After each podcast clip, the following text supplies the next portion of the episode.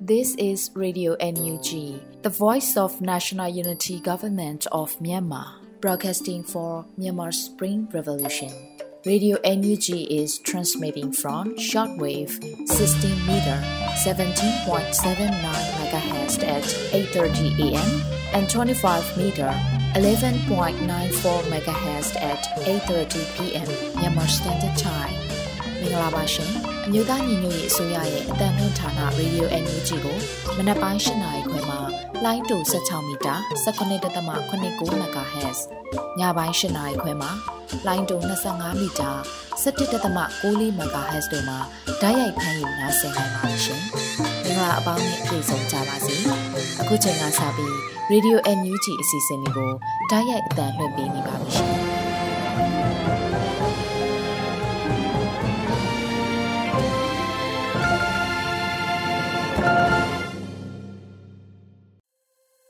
မင်္ဂလာမနက်ခင်ပါခင်ဗျာရေဒီယိုအန်ယူဂျီသောတာရှင်များနဲ့တကွတော်လန်ပြည်သူပေါင်းဘေးပရာဝေးကွာလို့ကြက်မှချမ်းသာကြပါစေကြောင်းရေဒီယိုအန်ယူဂျီဝိုင်းတော်သူဝိုင်းတော်သားတွေကဆွတောင်းမေတ္တာပို့သနေကြပါတယ်ရေဒီယိုအန်ယူဂျီရဲ့အော်တိုဘာလ26ရက်နေ့မနက်ပိုင်းအတန်လွှင့်စီစဉ်များကိုစတင်ဖို့အချိန်ရောက်ပါပြီဥဆုံးအနေနဲ့ထုတ်လွှင့်ပေးမဲ့ပြည်တွင်းသတင်းများကိုຫນွေဦးမိုင်ကဖတ်ကြားတင်ပြထားတာနားဆင်နိုင်ကြပါပြီခင်ဗျာမင်္ဂလာမနက်ခင်ပါရှင် အခုချိန်ကစပြီး2023ခုနှစ်အောက်တိုဘာလ26ရက်နေ့မနက်ခင်းပြည်တွင်တင်များကိုဖတ်ကြားပေးပါတော့မယ်။ကျွန်မကတော့နှွေးမိုင်းဖြစ်ပါရရှင်။ပထမဆုံးသတင်းအနေနဲ့စစ်အာဏာရှင်စနစ်အဆုံးသတ်နိုင်ရေးအားစိတ်လှုပ်ဆောင်ရာ KIO ကိုယာယီသမရတိုက်တွန်းတဲ့သတင်းကိုတင်ပြပေးပါမယ်။ကချင်လွတ်လပ်ရေးတပ်မတော် KIA အနေနဲ့ပြည်သူ့ကာကွယ်တပ်မတော် PDF တွေအပါအဝင် မဟာမိတ်အင်အားစုများကြားပုံမပူပေါင်းပြီး စစ်အာဏာရှင်စနစ်အဆုံးသတ်နိုင်ရေးအားစိုက်လှုံ့ဆော်ရန်အမျိုးသားညီညွတ်ရေးအစိုးရယာယီသမရဒူဟာလက်ရှိလာကကချင်လွတ်လပ်ရေးအဖွဲ့ KIO ကိုတိုက်တွန်းပြောကြားလိုက်ပါတယ်။အော်တိုဘာလ25ရက်နေ့မှာကြာရောက်ခဲ့တဲ့ KIO တီထောင်ခြင်း63နှစ်ပြည့်သို့ပေးပို့ခဲ့တဲ့ယာယီသမရဒူဟာလက်ရှိလာရဲ့ဂုံပြူအမတ်တရားစကားမှာအခုလိုပြောကြားခဲ့တာဖြစ်ပါတယ်။မ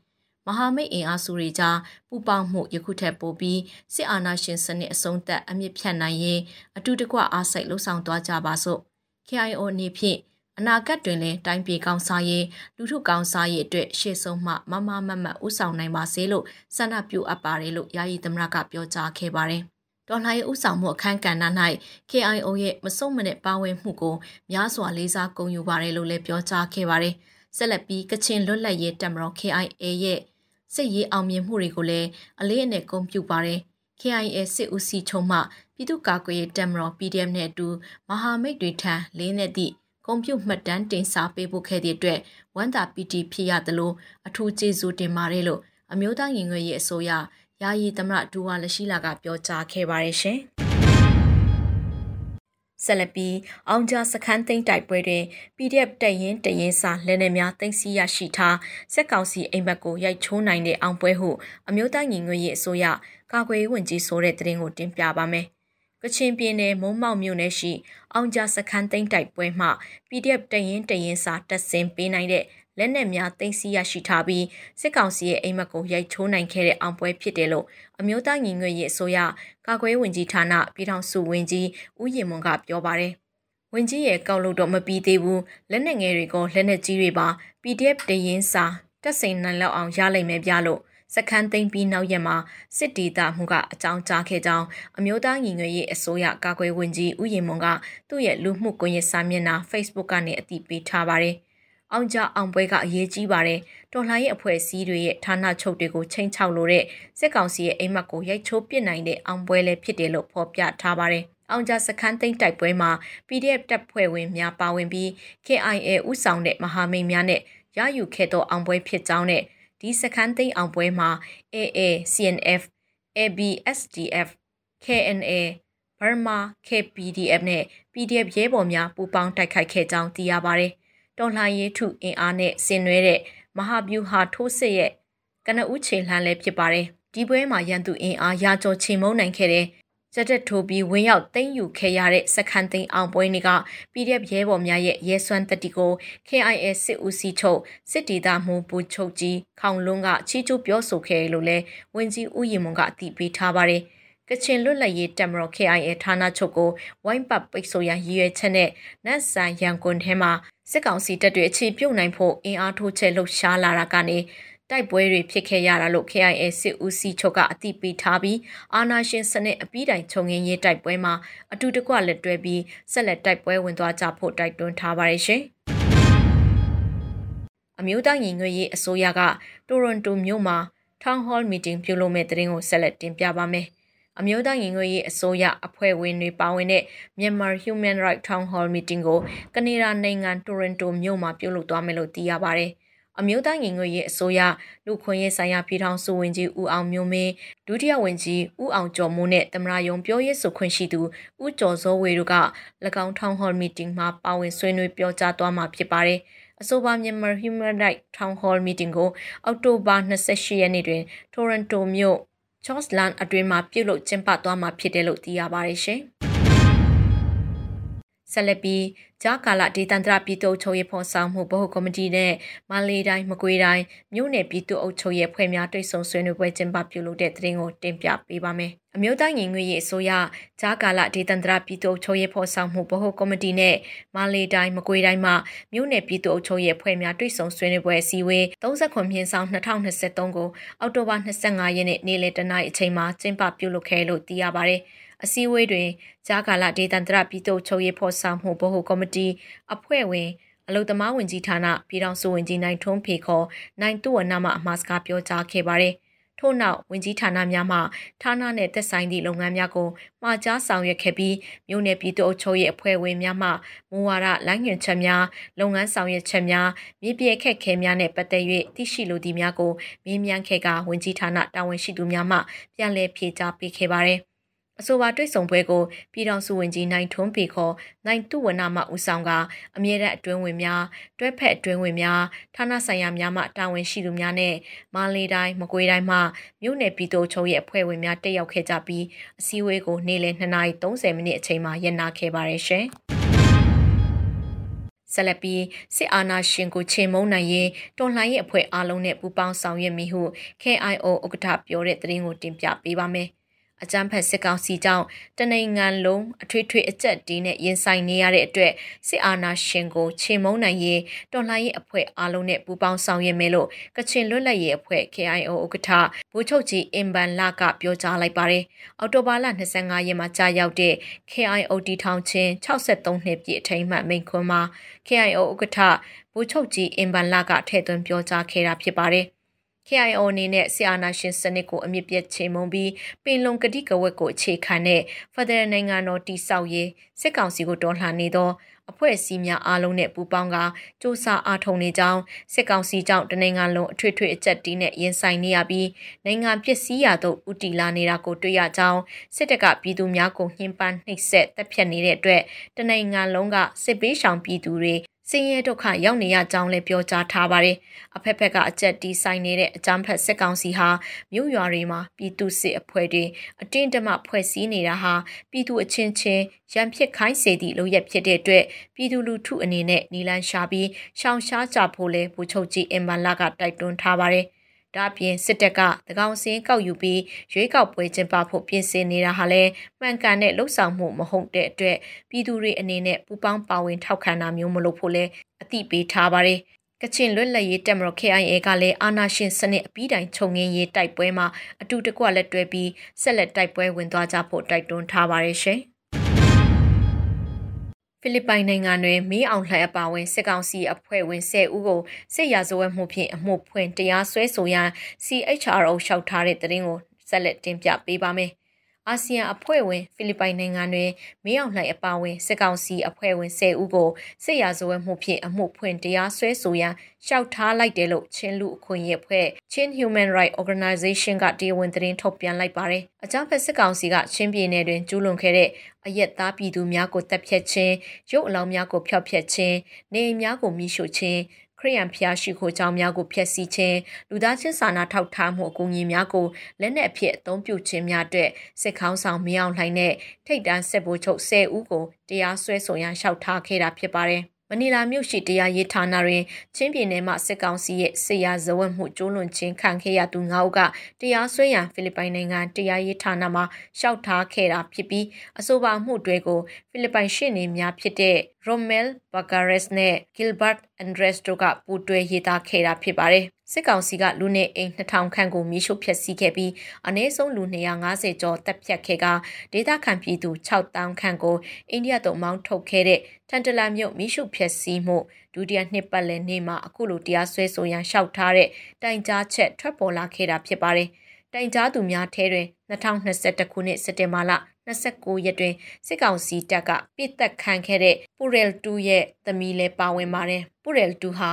ပူဟရမ်ဂျင်းနဲ့အတူတိုက်ပွဲကြောင့်ထန်တလန်မြို့ကထွက်ပြေးတိမ်းရှောင်လာသူများအတွက်စေဝါများပြန်ယူစေမှာစစ်ကောင်စီတပ်ကနှစ်ဦးလုံးကိုတပ်ဖြတ်ခဲ့တာဖြစ်ပါတယ်။အခြားတိုင်ကြားသူတဦးမှာစစ်ကောင်စီတပ်က2021ခုနှစ်စက်တင်ဘာလ18ရက်တွင်ပြစ်တက်ခဲ့သည့်အသက်30အရွယ်တင်းအုပ်ဆရာကြီးကျုံပြက်ခမ်းရဲ့ဦးလေးဖြစ်သူလည်းပါဝင်ပြီးစစ်ကောင်စီက၎င်းတင်းအုပ်ဆရာကိုတပ်ဖြတ်ပြီးနောက်အလောင်းကိုအပိုင်းပိုင်းဖြတ်ကာဖျောက်ဖျက်ပစ်ခဲ့တယ်လို့ဆိုထားပါတယ်။ ဖိလစ်ပိုင်နိုင်ငံရဲ့နိုင်ငံတကာလူသားချင်းစာနာထောက်ထားမှုဥပဒေအရကမ္ဘာပေါ်ရှိမိတိနေရရဲမစုံကျိုးလွန်သောစစ်ရာဇဝတ်မှုများအတွက်အပြည့်ပြည့်ဆိုင်ရာတရားစီရင်ပိုင်ခွင့်ဖြင့်ဖိလစ်ပိုင်တွင်တရားစွဲနိုင်ကြောင်းရင်းဥပဒေအရဖိလစ်ပိုင်အာဏာပိုင်များနေဖြင့်စုံစမ်းစစ်ဆေးမှုများလှုပ်ဆောင်နိုင်တာဖြစ်ပါတယ်ရှင်။ပေါ့မှာစစ်ကြောင်းထိုးနေတဲ့စစ်ကောင်စီတပ်ဒေသခံလေးဦးကိုတပ်ဖြတ်ခဲ့ ဆယ်ရက်ကြော်ကြာစစ်ကြောင်းထိုးနေ၍စစ်ရှောင်းပြည်သူတွေအခက်ကြုံနေတဲ့တဲ့ရင်နောက်ဆုံးတင်ပြပေးပါမယ်။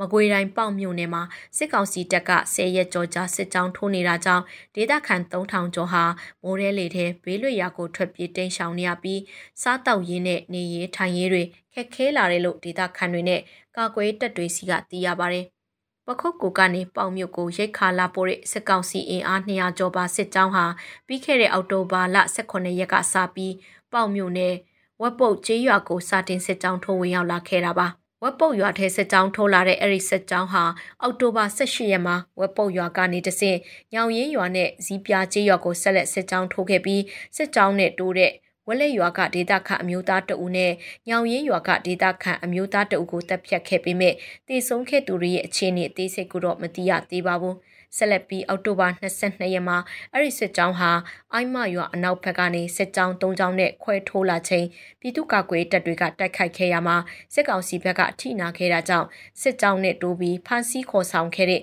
အမျိုးသား6ဦးထဲက2ဦးကိုတပ်ဖြတ်ခဲ့သေးရလို့မြိုင်မြို့နယ်ပြည်သူ့ကာကွယ်တပ်တာဝန်ရှိသူဆိုပါတယ် အဆိုပါစစ်ကြောင်းကြောင့်ဒေသခံ3000ကျော်ဟာလက်ရှိအချိန်ထိဘေးလွတ်ရာကိုထွက်ပြေးတိမ်းရှောင်နေရပြီးမိုးအဆက်မပြတ်ရွာသွန်းနေတာကြောင့်အမိုးအကာနဲ့စေဝါအကူအညီတွေလိုအပ်နေပါတယ်။ အဲ့စစ်ကြောင်းသားပေါက်မြုံနေထဲဒီထက်ရက်ရှည်စစ်ကြောင်းထိုးမယ်ဆိုပါကစစ်ဆောင်တွေအတွက်ရိတ်ခါပြက်လက်လာနိုင်ချေရှိရလို့ဒေသခံတူကဆိုပါတယ်လက်ရှိမှာတော့အဲ့ဒီစစ်ကောင်စီတပ်ဟာကြောက်တိုင်ခင်ကျေးရွာမှာဆက်လက်တက်ဆွဲနေပြီးနှစ်ဖက်ထိတွေ့တိုက်ပွဲဆက်လက်ဖြစ်ပွားနိုင်ချေရှိနေတာကြောင့်ဒေသခံ3000ကျော်ဟာဒီနေ့အထိဆက်လက်ဆက်ဆောင်နေရပါတယ်ရှင်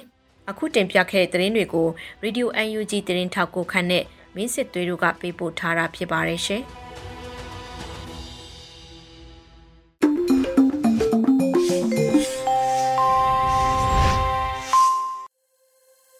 ပြည်တွင်းသတင်းများကိုနားဆင်လို့ပြီးမှာတော့အခုတခါတော်လိုင်းကြီးကြပြအစီအစဉ်ဖြစ်ပါတယ်။ခွန်ဆိုင်ရေးသားပြီးနွေလင်းဟန်ဖတ်ကြားထားတဲ့နိုင်ငံရေးကငါတို့နဲ့မဆိုင်သေးဘူးလားဆိုတဲ့ကြပြကိုနားဆင်ရပါတော့မယ်ခင်ဗျာ။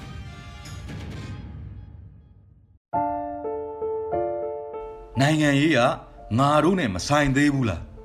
။ဒီမြေမှာမွေးဒီရေတောက်ပြီးဒီနိုင်ငံကြီးဒုက္ခရောက်တော့နိုင်ငံရေးကငါတို့နဲ့မဆိုင်တော့ဘူးလား ဒီနိုင်ငံကြီးအေဂျင့်စင်ကမင်းလည်းပျော်ရွှင်ခဲ့ဘူးသလိုငါလည်းပျော်ရွှင်ခဲ့ဘူးလေလူတယောက်အာနာထယူတော့ဟောမင်းနဲ့ငါအဲ့အချိန်ကစစိတ်ဝမ်းစကွဲတော့တာပဲဘာတဲ့နိုင်ငံရေးကငါတို့နဲ့မဆိုင်ဘူးတဲ့လားအပြစ်မဲ့ပြည်သူတွေနေ့စဉ်ရက်ဆက်တပ်ဖြတ်ခံနေရတယ်အိမ်တွေမီးရှို့ခံနေရတယ်ရွာတွေကစစ်တလင်းဖြစ်နေပြီမြို့တွေမှာလည်း အရင်လိုမစိုးပြေတော့ဘူးတုတ်တန်တစားပြင်လို့6ကတ်နေပြီနိုင်ငံရေးကငါတို့နဲ့မဆိုင်သေးဘူးလားမင်းတို့ငါတို့ရဲ့တငယ်ချင်းမိတ်ဆွေတွေတချို့မရှိကြတော့ဘူးတချို့ကစစ်ကြောရေးမှာတချို့ကထောင်ထဲမှာတချို့ကမတရားတပ်ဖြတ်ခံလိုက်ရပြီမိသားစုထမင်းဝိုင်းလေးတွေလည်းအရင်လိုလူမစုံကြတော့ဘူးပျော်ရွှင်မွေရာထမင်းဝိုင်းလေးအစားမျက်ရည်စားတွေနဲ့ အကြီးတန်းဈေးခဲ့ပြီဒါနဲ့နိုင်ငံရေးကငါတို့နဲ့မဆိုင်သေးဘူးလားစစ်အာဏာရှင်ရဲ့ရက်ဆက်ရုံမာမှုကိုငါတို့အားလုံးမျက်မြင်ကိုယ်တွေ့ခံစားခဲ့ကြရပြီဒီအာဏာရှင်စနစ်ဆိုးကြီးကိုဘယ်မျိုးဆက်ထိငါတို့လက်ဆင့်ကမ်းပေးကြမှာလဲနိုင်ငံရေးဟာငါတို့နဲ့မဆိုင်သေးဘူးလားခွန်ဆိုင်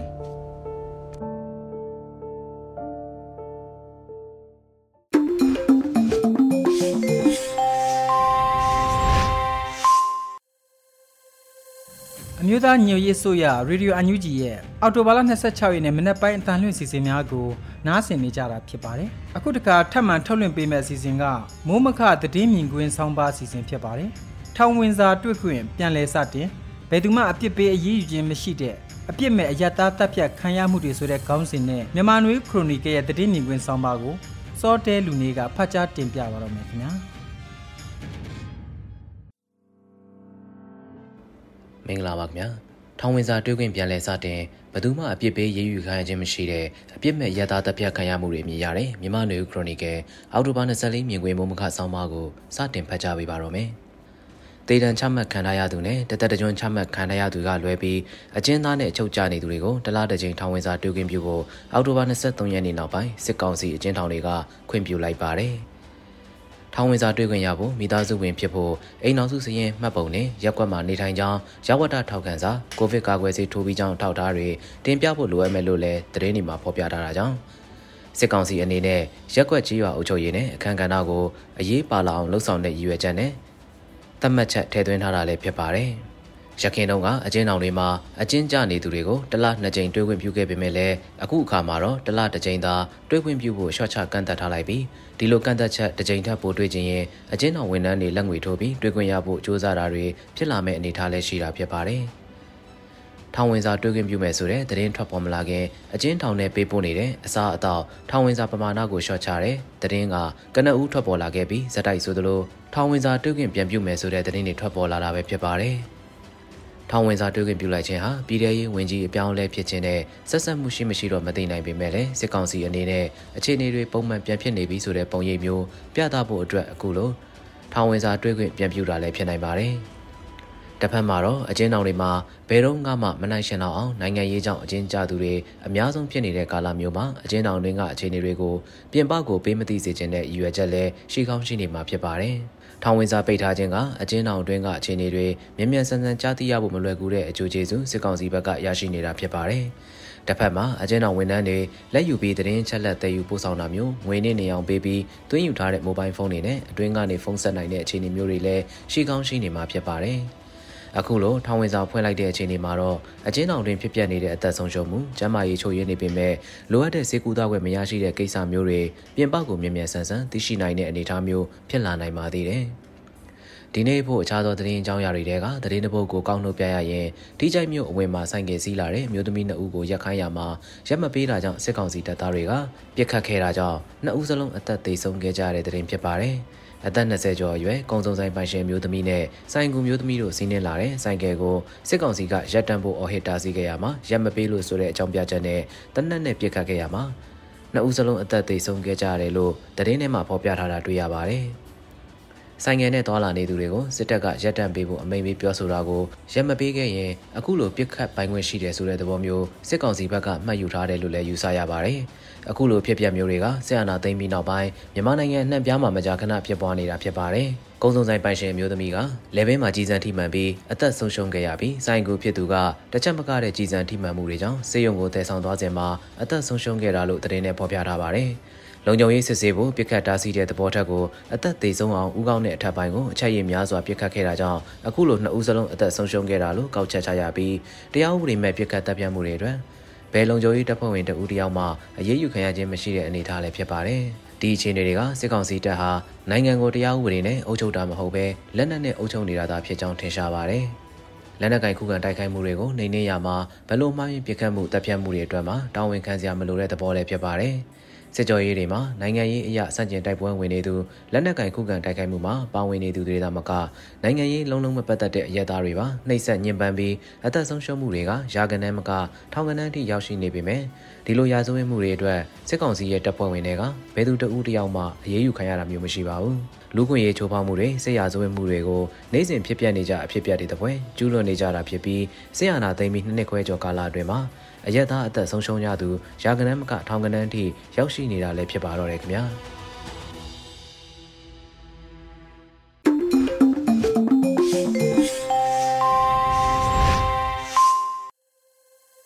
ရေဒီယိုအန်ယူဂျီမှာဆက်လက်တန်လှည့်လျက်ရှိပါတယ်။အခုတခါ PPTV ရဲ့နေ့စဉ်သတင်းများကိုနေချီကတင်ပြထားတာနားဆင်ရပါတော့မယ်ခင်ဗျာ။ ခုချိန်ကစပြီး PPTV သတင်းတွေကိုတင်ဆက်ပေးတော့မှာပါ။ကျွန်မနေကြည်ပါရှင်။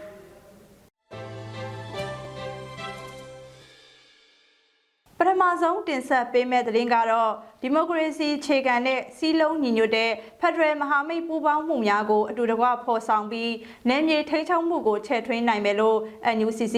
NUG, EROS နဲ့လေဦးတော်လေအင်အားစုများစုပေါင်းပြီးထုတ်ပြန်လိုက်တဲ့သတင်းပါ။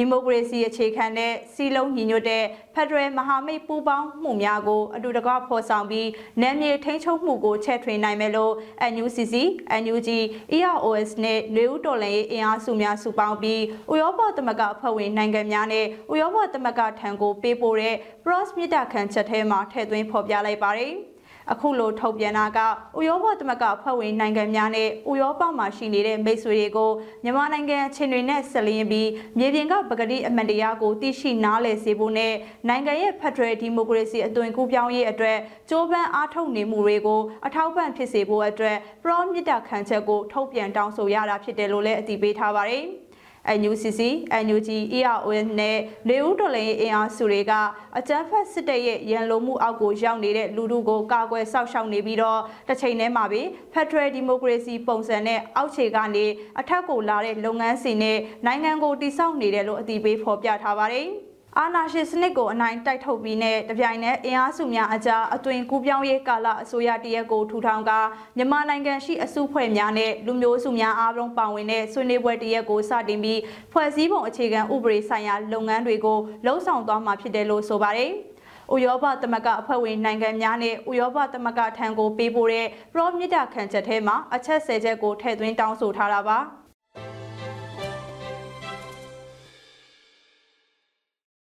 အခုတင်ဆက်ပေးမယ့်သတင်းကတော့ပြည်သူ့ရဲတပ်ဖွဲ့နဲ့စကိုင်းမကွေးပြည်သူ့လုံခြုံရေးအဖွဲ့များတွေ့ဆုံဆွေးနွေးတဲ့သတင်းမှာမြို့သားညီညွတ်ရေးဆိုရပြည်ထောင်နဲ့လွှဲမှုကြီးကြပ်ရေးဝန်ကြီးဌာနပြည်သူ့ရဲတပ်ဖွဲ့နဲ့စကိုင်းမကွေးပြည်သူ့လုံခြုံရေးအဖွဲ့များတွေ့ဆုံဆွေးနွေးပွဲအမှတ်စဉ်42မြင်းဆောင်2023ကိုအောက်တိုဘာလ24ရက်မနက်10:00နာရီမှာပြုလုပ်ခဲ့ကြပါတယ်။ အစည်းအဝေးမှာပြည်ထောင်နဲ့လွေမှုကြီးကြပ်ရေးဝန်ကြီးဌာနအမြဲတမ်းတွင်ဝင်ရဲ့ဆွေးနွေးမှုနဲ့စတင်ခဲ့ပြီးပြည်ထောင်နဲ့လွေမှုကြီးကြပ်ရေးဝန်ကြီးဌာနတွဲဖက်အတွင်းဝင်နဲ့ပြည်သူ့ရဲတပ်ဖွဲ့ရဲ့ရဲချုပ်တို့ကဆက်လက်ဆွေးနွေးခဲ့ကြပါတယ်။အဲဒီနောက်တက်ရောက်လာကြတဲ့ပြည်သူလုံခြုံရေးအဖွဲ့ခေါင်းဆောင်တွေကလုံခြုံရေးနဲ့တရားဥပဒေစိုးမိုးရေးဆောင်ရွက်နေမှုများဥပဒေဆိုင်ရာသိရှိလိုတဲ့အချက်များမြေပြင်အခြေအနေခက်ခဲများအားတင်ပြဆွေးနွေးခဲ့ပါတယ်။ တင်ပြဆွေးနွေးချက်တွေကိုအမြဲတမ်းအတွင်းဝင်တွဲဖက်အတွင်းဝင်နဲ့ပြည်သူ့ရဲတပ်ဖွဲ့တာဝန်ရှိသူတွေကရှင်းလင်းပြောကြားတာနဲ့လိုအပ်ချက်များကိုညှိနှိုင်းဖြည့်ဆည်းပေးခြင်းများပြုလုပ်ခဲ့ကြပါတယ်။အစည်းအဝေးသို့မြို့သားညီညွတ်ရေးဆိုရပြည်ထောင်နဲ့လွေမှုကြီးကြပ်ရေးဝန်ကြီးဌာနအမြဲတမ်းအတွင်းဝင်တွဲဖက်အမြဲတမ်းအတွင်းဝင်ပြည်သူ့ရဲတပ်ဖွဲ့မှအရာရှိကြီးများနဲ့စကိုင်းမကွေးပြည်သူ့လုံခြုံရေးအဖွဲ့ခေါင်းဆောင်များတက်ရောက်ခဲ့ကြတယ်လို့ပြည်ထောင်နဲ့လွေမှုကြီးကြပ်ရေးဝန်ကြီးဌာနကသတင်းထုတ်ပြန်ထားပါတယ်။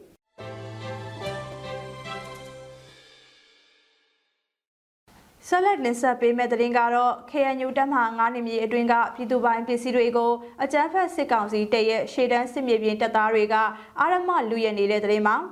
KNU တပ်မဟာ9နေမြေအတွင်းကပြည်သူပိုင်ပစ္စည်းတွေကိုအကြမ်းဖက်စစ်ကောင်စီတရဲ့ရှေ့တန်းစစ်မြေပြင်တပ်သားတွေကအာရမလူရနေတယ်လို့ KNU မူဒရောကမနေ့ကထုတ်ပြန်ပါတယ်။ KNU ခရင်မျိုးသားစီယုံရဲ့အုပ်ချုပ်ရာဒေသအတွင်းမှာရှိတဲ့မူရောခရိုင်တွင်နယ်မြေကျူးကျော်ကအခြေချလှုပ်ရှားနေတဲ့အကြမ်းဖက်စစ်ကောင်စီတပ်တွေကကျေးရွာအတွင်းကိုဝင်ရောက်တဲ့အခါတိုင်းကျေးရွာပြည်သူတွေရဲ့ဥစ္စာပစ္စည်းတွေကိုတရားဥပဒေမဲ့စွာအာရမလူယူတင်ဆဲတာတွေပြုလုပ်နေတယ်လို့ဆိုပါတယ်။မဲဝေမှာခြေချလှုပ်ရှားနေတဲ့အကြမ်းဖက်စစ်ကောင်စီရဲ့တပ်တွေကအော်တိုဘာလ19ရက်နေ့ကခုတူးထာရွာသူနော်ကရင်မရဲ့ကြက်ရှစ်သိန်းနဲ့လက်ကင်ဖုံးတစ်လုံး ဖွေပွားရသားစောကြည်ခိုင်ရဲ့စံတပုံ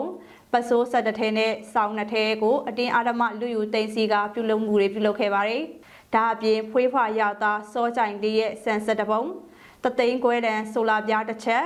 ၃သိန်းချက်တန်ဆာလာအိတ်ကြီးတကြားသုံးအိတ်ဓာတ်တလက် စောင်းသုံးတဲ့ဓာလီဆေးဝက်ကြီးတပိတ်သားစတာတွေကိုလည်းအာရမလူယူတိတ်ဆဲသွားတဲ့ပြေအိမ်မွေးကြောင်တစ်ကောင်ကိုလည်းပိုင်ရှင်ရှိမှာပြီးဖမ်းဆီးယူဆောင်သွားကြောင်းဒေသခံတွေရဲ့ပြောပြချက်အရသိရပါတယ်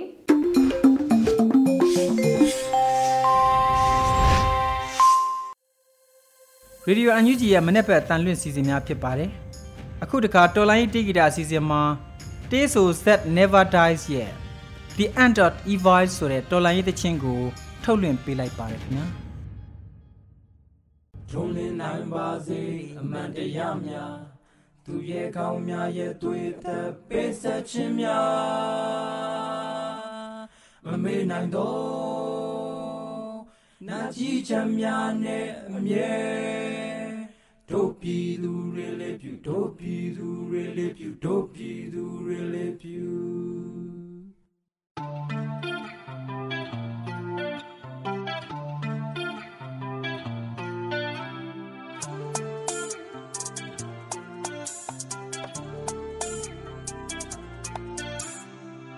မွေရပါတေရုပ်ချက်ကဆိုပြီးသားမို့တော်နိုင်ငံရဲ့တကိုကြီးပြားတွေတကိုကြီးများရဲ့လောဘကြောင့်ကျွေးရောက်နေညိုပြီးသွားလို့ခွဲလိုက်ပေါ့သခိုးပါဝါအာနာမျိုးပါသာသာနာအစိုးရောက်တဲ့ငရေကြီးချစ်တမကြိုးတို့တဲ့ဟိုလာလာလာကျွေးတယ်လက်ကိုပြန်ကြိုက်တွေ့နေတဲ့ပတရတာတတ်တော်သာကျွေးရောက်တန်နေတဲ့ယုံညံဆုံးသူတွေတရလာချက်ကမပါလာလာလာလာကောင်းဆောင်မျိုးသမီးရဲ့ထက်စီကိုပတ်ရမှာပြင်မဲ့ပြည်သူတွေပေါ့ ဦးဆုံးကြီးတက်ကြကွာမိတ်စပလူတွေအနာစိတ်မရှိစိတ်မကြဘူးပြည်သူကြိတ်ကတိတ်ကဆူတော့ပိတ်တမြူးလို့ငဲလာရထွက်အခုတော့ကြိတ်ကဆူဆူဆူဆူငါတို့နိုင်တယ်ပြီလေမင်းတို့ပဲ China နဲ့ Russia ကြီးဖင်ပြန်ကြီး go infinity stone တွေလုံးငါတို့စိတ်တက်ခွန်အားနဲ့တမင်ပြန်ပြီးကြို့ဘဘကရှုံးရှမ်းမဲ့တမကြတုံးလူမစံရက်စကြတုံးအသားတွေကလောက်ထွက်တယ်ဟေးအဘဘကရှုံးရှမ်းမဲ့တမကြတုံးလူမစံရက်စကြတုံးအသားတွေကလောက်ထွက်တယ်ဟေး အိမ်တော့ကွေးလေအိုးအိုးအိုးနိုင်ငံလုံးရဲ့ချီတဲ့ကျွေးမလို့အိမ်တော့ကွေးလေအိုးအိုးအိုးအိုးနိုင်ငံလုံးရဲ့ချီတဲ့ကျွေးမလို့ခဏစနေတဲ့တကွာစနေလေမကြမီလာမီလာမီလေကြောင်တွေတဲ့လေကြောင်တွေတဲ့လေကြောင်တွေတဲ့လေကြောင်တွေတဲ့အိမ်တော့ကွေးလေအိုးအိုးအိုးအိုးနိုင်ငံလုံးရဲ့ချီတဲ့ကျွေးမလို့အိမ်တော့ကွေးလေအိုးအိုးအိုးအိုးနိုင်ငံလုံးရဲ့ချီတဲ့ကျွေးမလို့ခဏစနေတဲ့တကွာစနေလေမကြမီလာမီလာမီလေကြောင်တွေတဲ့လေကြောင်တွေတဲ့လေကြောင်တွေတဲ့ တိုးတက်နေစေနိုင်ငံလေးကချက်ဖျားလူတွေကြောင့်ကြောက်သေးကိုပြုတ်ကျဒီနိုင်ငံကလူသားတွေလည်းမျိုးနဲ့ချက်မထုံထက်မြလူတန်းသားမျိုးဒုက္ခနဲ့ခံရတယ်တာဝန်တွေကိုစီးတဲ့ချင်တဲ့ဆန္ဒကျင်တဲ့လူစုကဒုက္ခတွေပေးပြီးတော့ရုံးမှန်ကြံကြတယ်နေ့ဆုံးလို့နေကလူတွေရုံးထပ်ပြန်ကြွလာပြီးရုံးမှကင်းတဲ့လူတွေဆုံးမှလုံးမြတ်ပြခံရမယ်ចောင်းသားတွေကတောင်းလက်ကိုလွှင့်လာပြီးပြည်သူတက်မတော်ကလည်းစစ်ချင်ကြပြီဘလောက်ပဲချက်တွေသုံးဘလောက်နှစ်တွေကြာပြီးတိစောက်ခဲ့ပါစေအမှန်တရားတော့နိုင်ဖြစ်နေမှာတိခါစီလုံးကျင်တဲ့နိုင်ပဲဘုဒ္ဓလက်မပုတ်ကိုထွက်လာခဲ့တဲ့လက်နက်မဲ့တွေကိုမင်းတို့သလက်တင်နဲ့ပြည့်အကြောင်းချင်းကိုကောင်းတဲ့သူရင်ပြီးအောက်ထုတ်ချင်တဲ့ကောင်းတွေအားလုံးဒူလိုက်တော့2017မှာနေရာရှိထိန်းသိမ်းနေဆိုတဲ့လေးစင်းနဲ့နောက်ပဲနှစ်ပဲချိန်တီရုံးရရကြသေးလေကြားများတာမှုချင်းတွေတစ်ပတ်ဆောင်နေရကိုတဲမဖို့တဲတပွင့်အိုးချက်ဖြစ်ငါစည်းမယ်အိမ်နောက်ဝင်တန်းတွေကအိမ်ရှစ်တက်ခွင့်ကောင်းယူချင်တာမျိုးဖျားတို့ကိုလုံးရက်တယ်စိတ်ကြုံဥပဒေအားလုံးကိုချိုးဖြတ်နောင်လာမယ့်မျိုးဆက်တို့စီဆိုဆုံးတတ်မယ်ပြည်သူဘက်ကဘလောက်နိုင်ကြများလဲဆိုမလေးပတ်နိုင်တဲ့ထီလုံးရဲ့တွေကတတ်တယ်ပဲမင်းတို့လည်းရေးသမျှခြေကဖြတ်နေမယ်တမ်တီပြပုံကဲဆက်ရွေ့မယ်တောက်တိုင်နေအားလုံးလောက်ခိုင်နေတာအချင်းတစ်ခုရောက်ရင်ပြည်သူအပေါင်းနိုင်သွားမယ်အနိုင်ယူနဲ့ခေါင်းမနေရဖောင်းပါတွေတင်မနေကိုပြက်ကတိကြီးဆောင်ဆိုင်နေကြဆိုင်နေကြ အိမ်တော့ကွေးလေအိုးအိုးအိုးနိုင်ငံလုံးရဲ့ကြီးတဲ့ကျွေးမလို့အိမ်တော့ကွေးလေအိုးအိုးအိုးအိုးနိုင်ငံလုံးရဲ့ကြီးတဲ့ကျွေးမလို့ခဏစနေတဲ့တကွာစနေလေမကြမီလာမီလာမီလေကြောင်တွေတဲ့လေကြောင်တွေတဲ့လေကြောင်တွေတဲ့လေကြောင်တွေတဲ့အိမ်တော့ကွေးလေအိုးအိုးအိုးအိုးနိုင်ငံလုံးရဲ့ကြီးတဲ့ကျွေးမလို့အိမ်တော့ကွေးလေအိုးအိုးအိုးအိုးနိုင်ငံလုံးရဲ့ကြီးတဲ့ကျွေးမလို့ခဏစနေတဲ့တကွာစနေလေမကြဒီကနေ့ကတော့ဒီညနဲ့ပဲ Radio NUG ရဲ့အစီအစဉ်လေးကိုခਿੱတရနာလိုက်ပါမယ်ရှင်။ မြန်မာစံတော်ချိန်မနက်၈နာရီခွဲနဲ့ည၈နာရီခွဲအချိန်တွေမှာပြန်လည်ဆုံတွေ့ကြပါစို့။ Radio NUG ကိုမနက်ပိုင်း၈နာရီခွဲမှာလိုင်းတူ16မီတာ19.8 MHz ညပိုင်း၈နာရီခွဲမှာလိုင်းတူ25မီတာ17.6 MHz တို့မှာဓာတ်ရိုက်ဖမ်းလို့နိုင်စေနိုင်ပါပြီ။မြန်မာနိုင်ငံသူနိုင်ငံသားတွေကိုစိတ်နှပြကျန်းမာချမ်းသာလို့ဘေးကင်းလုံခြုံကြပါစေလို့ Radio NUG အဖွဲ့သူဖွဲ့သားတွေကဆုတောင်းမြတ်တာပို့တာလိုက်ရ ပါတယ်ရှင်။မြေသားညီမတွေအစိုးရရဲ့စက်သွေးရေးသတင်းအချက်အလက်တွေလူပညာဝန်ကြီးဌာနကထုတ်လွှင့်နေတဲ့ Radio NUG ဖြစ်ပါတယ်။ San Francisco Bay Area အခြေစိုက်မြန်မာမိသားစုတွေနဲ့နိုင်ငံတကာကစေတနာရှင်လို့အားပေးနေတဲ့ Radio NUG ဖြစ်ပါတယ်။အရေးတော်ပုံအောင်ရမည်